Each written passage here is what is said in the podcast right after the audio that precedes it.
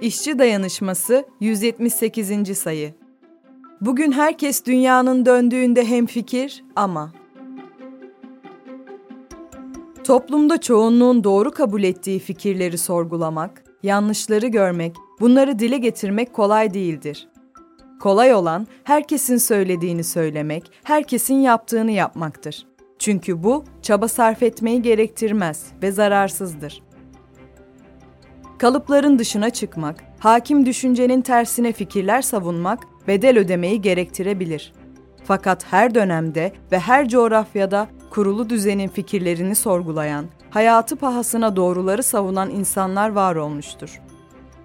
Egemenler bu insanları vatan haini, sapkın, terörist olarak yaftalayarak toplumun gözünden düşürmek istemişlerdir. Mesela bugün neredeyse her kesimin büyüklüğünü kabul ettiği Nazım Hikmet, vatan haini olarak ilan edilmiş, fikirleri ve şiirleri yüzünden yıllarca hapis yatmış, çok sevdiği ülkesine hasretlik çekerek göçüp gitmişti bu dünyadan. Şu işe bakın ki bugün yaşasa onu yine vatan haini ilan edecek olanlar kürsülerde Nazım'ın şiirlerini okuyorlar. Bugün dünyanın hem kendi etrafında hem de güneş etrafında döndüğü biliniyor. İlkokula başlayan çocuklara gece ile gündüzün ve mevsimlerin oluşumu bunun üzerinden anlatılıyor. Fakat bilimin apaçık gösterdiği bu basit gerçeği savunmak 400 yıl önce hiç de kolay değildi. Zira o dönemin egemen düşüncesine göre dünya evrenin merkezinde sabit duruyor, güneş, gezegenler ve yıldızlar onun etrafında dönüyordu. Toplumda hakim olan da bu görüştü. İtalyan bilim insanı Galilei'yi hepimiz duymuşuzdur. Teleskobu da bulan bu bilim insanı dünyanın hem kendi etrafında hem de güneş etrafında döndüğünü keşfetmişti. Kiliseye bağlı Engizisyon Mahkemesi bu keşfi nedeniyle Galilei'yi aşırı bir düzeyde sapkınlık nedeniyle suçlu buldu. Ya yakılarak öldürülecek ya da görüşlerini reddetmesi şartıyla ömür boyu ev hapsine mahkum edilecekti.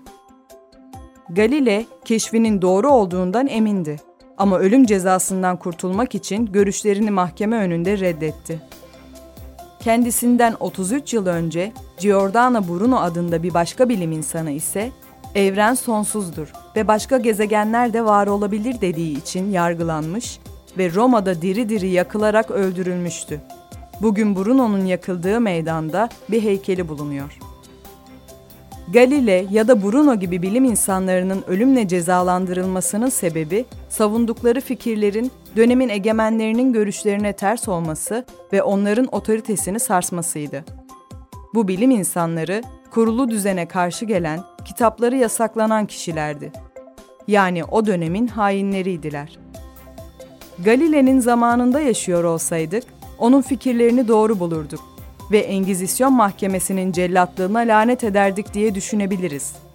Çünkü bize göre gerçek apaçık ortada. Dünya dönüyor. Bugünden 400 yıl öncesine baktığımızda gerçekleri görmek ne kadar kolay değil mi? Peki, o halde kendimize şu soruyu soralım. Bugün yalan ve karalama kampanyalarıyla yaratılan toz duman bulutu arasında gerçekleri görebiliyor muyuz? Neyin doğru, neyin yanlış olduğunu ayırt edebiliyor muyuz? Bugün de insanlar egemenlerin yalanlarını teşhir ettikleri için, demokrasiyi, barışı, kardeşliği savundukları için hain ilan edilip yargılanıyorlar. Rejimin savaş politikalarına karşı çıkmak, kapitalizme karşı mücadele etmek, sınıfsız ve sömürüsüz bir dünya istemek teröristik olarak damgalanıyor. Toplum egemenlerin çıkarlarını ifade eden düşünceler temelinde şekillendiriliyor. Bu durumu İspanya'da düzenlenen San Fermin adlı bir festivalde yaşananlara benzetebiliriz.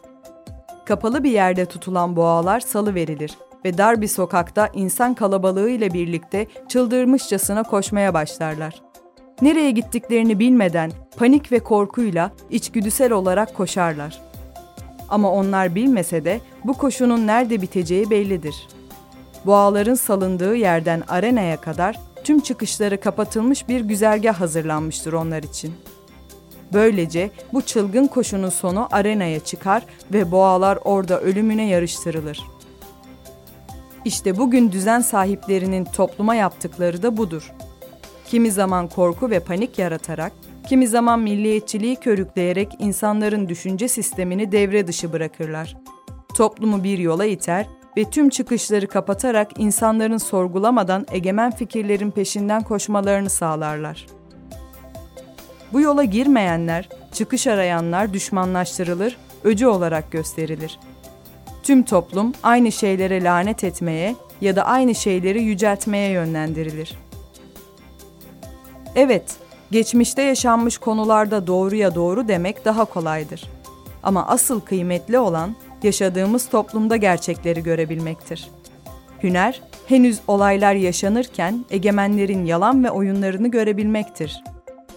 İşçiler örgütlü olur ve sınıf bilinci kazanırlarsa, panik halde kendini kör bir koşuya kaptırmış boğalar gibi egemenlerin peşinden sürüklenmezler. Öyleyse gerçekleri anlatan, savaşa hayır diyen, bu düzen yıkılmalı diyenlerin sözlerine kulak verelim.''